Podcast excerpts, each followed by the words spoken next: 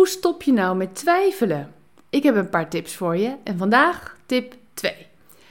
Wees eerlijk en durf God jouw twijfelvragen te stellen. Twijfel in levensvooruitzicht en verwachting, daar wil ik het over hebben.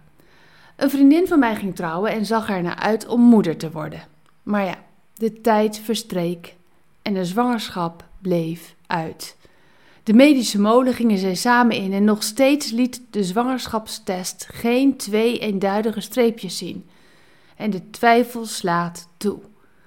Als je sterk verlangt naar een kindje en het gebeurt niet, dan neemt de twijfel en onzekerheid enorm toe. En dit is zo zwaar. Draag je ook een intens verlangen in je? Ik wil je zo graag bemoedigen. Want misschien wil jij wel graag een levenspartner, maar tot nu toe is het nog niet gelukt. En je gaat twijfelen aan God, aan jezelf, aan alles. Eén ding hè. Weet en zorg dat je niet vergeet. God leeft met je mee. Hij is met jou begaan.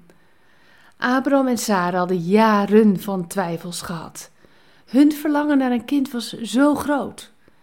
Daar waar ze zoveel, zo lang, zo intens naar verlangd hadden en waar ze inmiddels zo over waren gaan twijfelen, wordt hen nu toegezegd.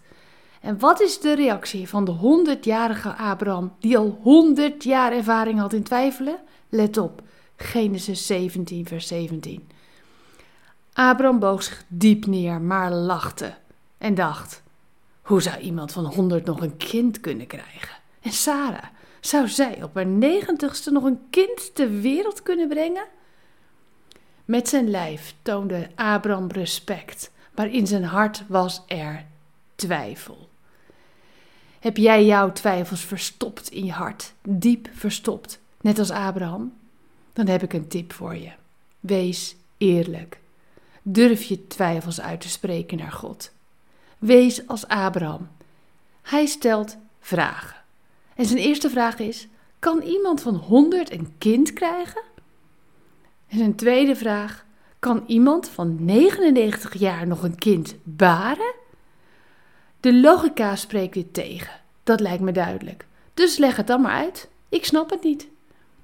Soms is de logica ergens tegen, maar Gods woord overstijgt dat. En ik daag je uit. Stel je vragen waar je over twijfelt aan God, zodat Hij zelfverzekerd jouw twijfel kan oplossen. Ik wens je daar heel veel zegen in. Bedankt voor het luisteren naar Ik Wonder Jou. Hebben de woorden je hart geraakt en de teksten je geïnspireerd? Gun ook anderen Ik Wonder Jou. Meld ze aan bij www.ikwonderjou.nl. Ik ben zo blij dat je bestaat.